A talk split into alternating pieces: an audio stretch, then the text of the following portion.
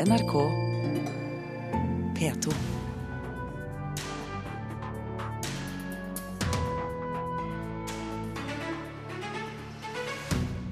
Satiremagasinet Charlie Edbaud er på gaten i Frankrike nå, utsolgt mange steder allerede. Den svake norske kronen gjør at det blir dyrere for konsertarrangører å booke utenlandske artister. Kan bety dyrere billetter på sikt. Og fuktigere og varmere klima truer med å skylle 1000 verdifulle hvalfangergraver på sjøen. Kulturminner truet på Svalbard. Du hører på Kulturnytt med Birger Kåsrud Aasund i studio. I morgentimen i dag har den første utgaven av satiremagasinet Charlie Hebdo altså kommet ut eh, på gaten. Det første etter terrorangrepene forrige onsdag. Og Marit Kolberg, eh, i Paris er det rift om avisene?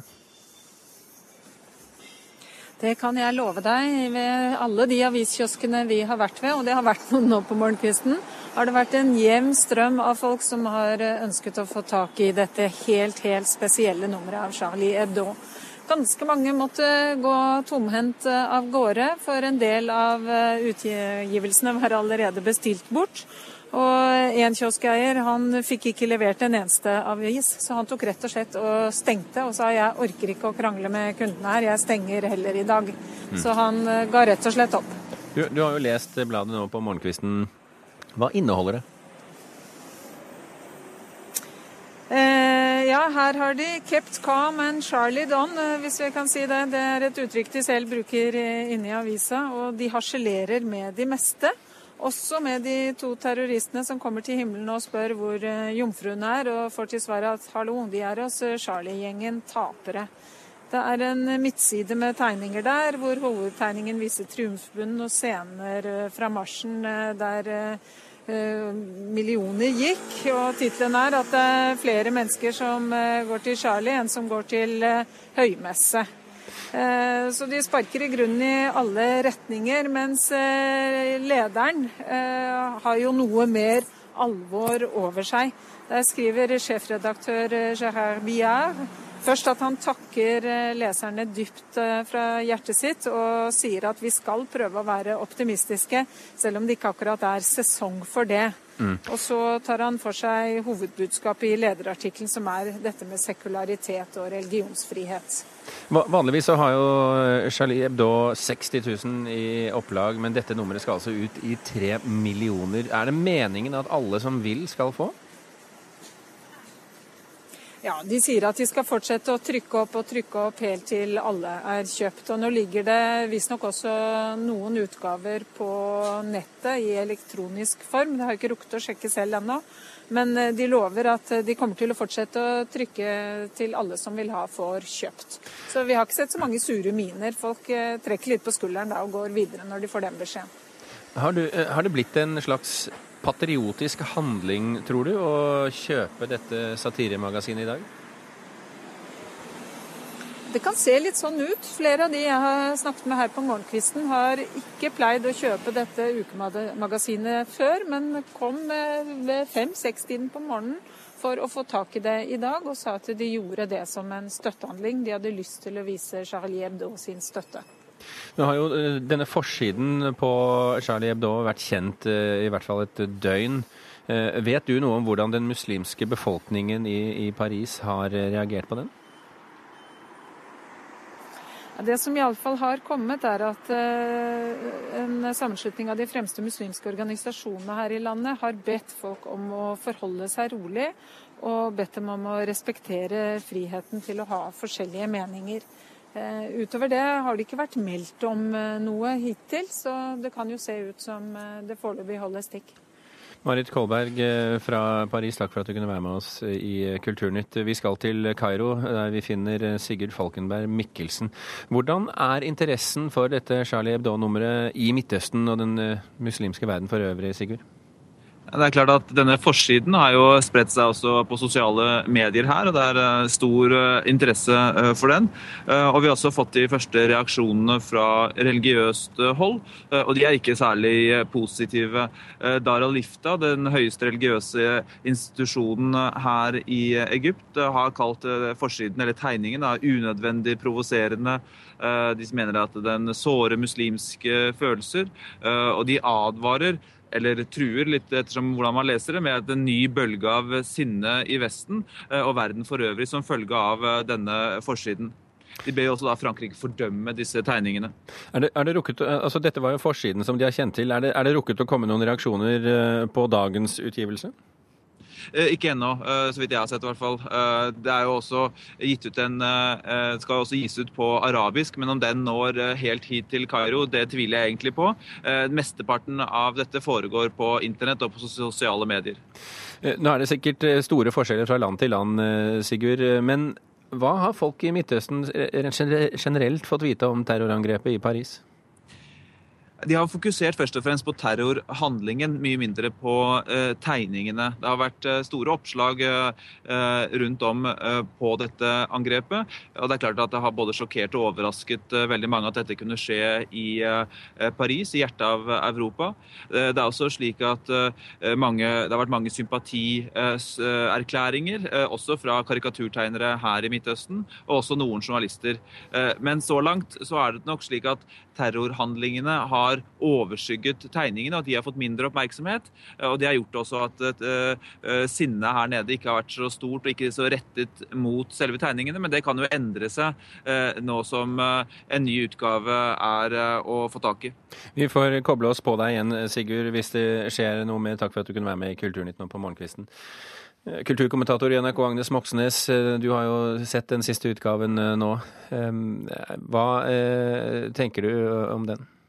Det er jo en utgave som blir kalt De overlevendes eh, utgave. Og det første og tydeligste signalet de, de, gir, det er jo at de skal fortsette som før.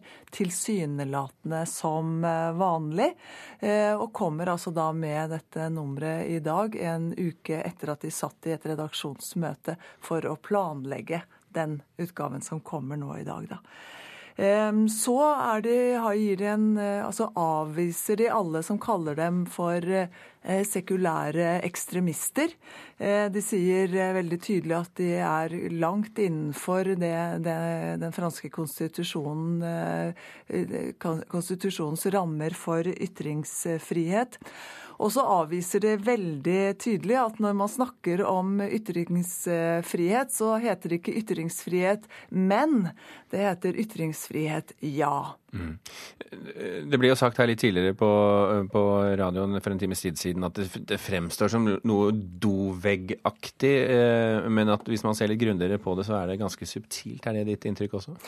Ja, eh, jeg har aldri vært en fast leser av Charlie Hebdo. Jeg må jo si at det er jo nesten umulig å bedømme magasinet som sådan ut ifra dette nummeret her. fordi at når man leser det, så leser man det jo med den kunnskapen man har om hva som skjedde for en uke siden. Eh, og, og, eh, men du merker jo også fra, helt fra første side at det er liksom det er latter, men det er veldig, veldig mye tårer også i eh, denne utgaven her. Redaktør for det satiriske nettstedet Opplysningskontoret, Eirik Bergesen, eh, velkommen til Kulturnytt. Eh, du har, du har, også sett eh, i hvert fall deler av magasinet, om ikke hele. Hva er ditt inntrykk? Um, altså nå er det jo mange som får sett Charlie Hebdo for første gang. Og vi har jo alle sett disse forsidene.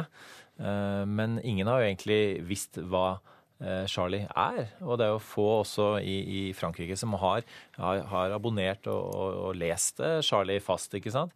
Eh, og det at nå så mange får, får, lest det, kan da umulig ha vært terroristenes hensikt. Men altså det, det store paradokset i, i, det å drive den type politisk vold. Eh, og det vi nå ser, er eh, et Charlie som ikke provoserer for å provosere. Det må man kunne si veldig tydelig. Ja, de har én Mohammed-tegning. Den er på forsiden. Eh, den er så lavmælt som man kan egentlig få det, gitt omstendighetene. Som, eh, hvor man altså sier at, at, eh, alt er tilgitt. Så det har vært mye spekulasjoner i sosiale medier. Hvem er det som har tilgitt hvem her? Eh, og det tenker jeg at, eh, at satirikerne har med vilje ønsket å ikke svare på. Sånn er jo satiren, sånn er jo kunsten. Eh, men de har sikkert ikke noe imot at vi alle spekulerer i det. Eh, for min del så tenker jeg at, at, eh, at i og med at man da har Mohammed med den tegningen som sier 'Je suis Charlie', så er det en måte å si at Mohammed tilgir satirikere at det er verdt det. At det er verdt å dytte disse grensene, også for enhver pris. Er det andre ting inn i magasinet som du har ja, altså, lyst til å trekke frem? Ja, altså Det er helt tydelig at dette, dette er jo ikke en minneutgave. Dette er Charlie um, uh, as usual. Uh, de har uh, verdsatt de sentimentale følelsene som, som, eh, som er i uh, verden over, uh, men ikke ønsket å nøre opp under det. De ønsket å være like skarpe som de alltid, alltid er. Um, og, og, de har ønsket å være på en måte like underfundige, subtile og mangetydige som de alltid har vært. Og, for meg så er det, er det, veldig godt å se at de leverer så høy kvalitet så kort tid etterpå. og det er ingen tvil om at de vil fortsette å være Charlie. Så får vi se hvor mange som også blir inspirert av dem. Og det man ser også, er jo at altså, de skriver ikke eh, omtaler om sine nære kolleger som har vært der i veldig mange år. Men det de gjør, er at de lager et veldig kollektivt, en kollektiv utgave av Charlie Hebdo, og publiserer både tekster og tegninger av flere av eh, både de som ble drept sist onsdag, men også folk som har vært ansatt og jobbet der tidligere. Vi hørte jo fra uh, Marit i Paris, Agnes, eh, at det er stor interesse for dette magasinet nå. Hvilken effekt tror du denne tross alt enorme utbredelsen akkurat dette nummeret kommer til å få?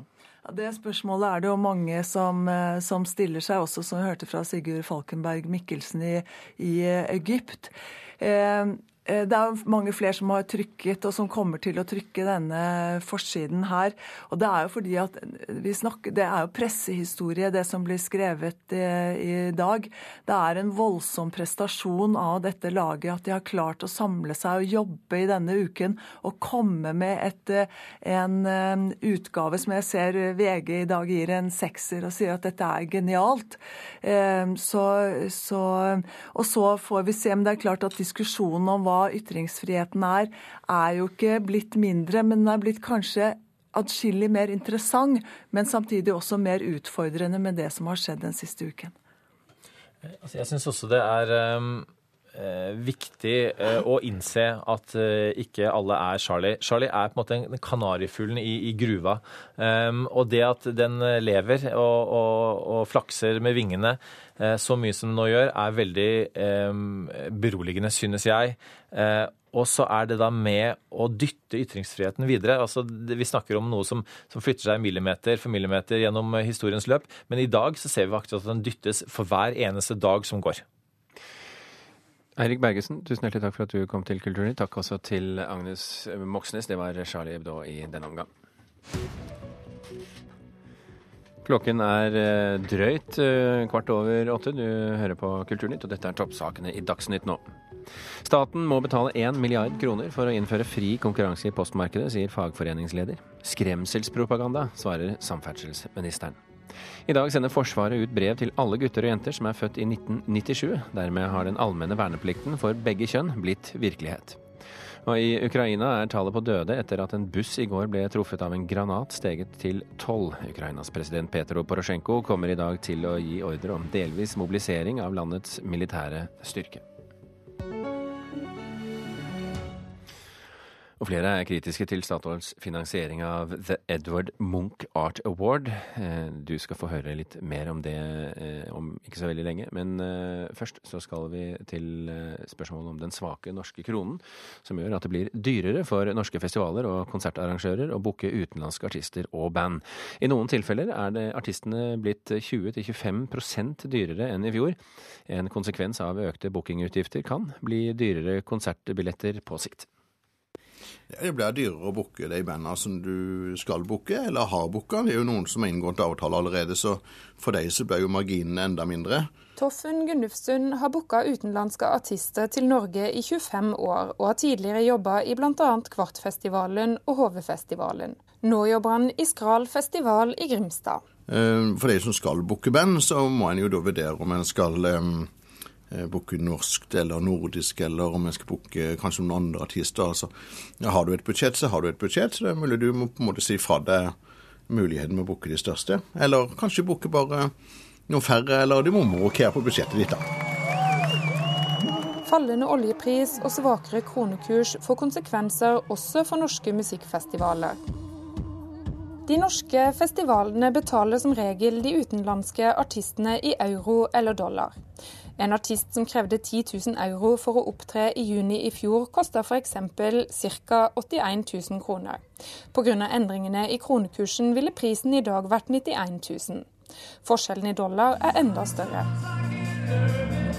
Det at internasjonale artister nå blir dyrere, Eh, en konsekvens av det kan være at eh, noen velger å kjøpe færre internasjonale headlinere. Line Endresen Nordmann er daglig leder i Norske konsertarrangører, som organiserer nesten 300 festivaler, spillesteder, kulturhus og rockeklubber rundt om i landet. Hun sier mange nå merker valutasvingningene på budsjettene. Men det jeg har fått inntrykk av av våre medlemmer, er at eh, kvalitet kommer i første rekke. Dermed så tror jeg ikke vi vil se at det blir noe dårligere festivaltilbud her til lands. Men det er mulig vi kan se en endring, f.eks. ved at noen velger å booke flere norske artister. Og til syvende og sist, eh, en konsekvens kan jo òg være at eh, de må hente inn mer inntekter. Endresen Nordmann tror imidlertid ikke mange festivaler skrur opp prisene allerede i sommer. Billettprisene er stort sett satt i år, og det som er spennende er å oppsummere festivalsommeren på høsten 2015. Og Først da vil man se om dette vil ha noen konsekvenser for priser i 2016 eller tilbudet. Vi krysser alle fingrene vi har for en bedre krone.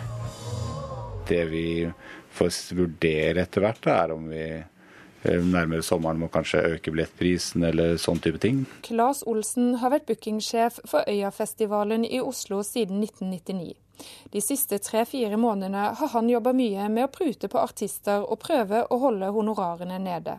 Nei, Si et band skal ha 100 000 euro, da. Så når det 100 000 euro koster oss nå 15% mer, så er jo det en stor økning i utgiftene. Mange av artistene som skal opptre på Øyafestivalen nå til sommeren, la Olsen inn bud på allerede i juli og august i fjor, da det var en helt annen kronesituasjon. Jeg kan ikke trekke tilbake de budene, så, de, så der har jo blitt en betydelig kostnad for oss. Men eh, per i dag så har vi litt is i magen, for vi har en del euro igjen fra fjor eh, som vi hadde på bok.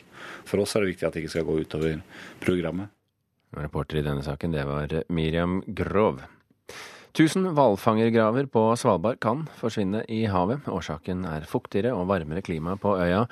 Anne Karin Hufthammer er leder for det nasjonale utvalget for forskning på menneskelige levninger, det såkalte Skjelettutvalget. Og hun eh, frykter at kulturhistorie kan forsvinne for alltid. Vi er redd at eh, graver som kunne fortalt en helt unik historie, forsvinner i havet uten at kulturhistorien har klart å fange det opp. Det ligger hodeskaller i strandkanten på Svalbard.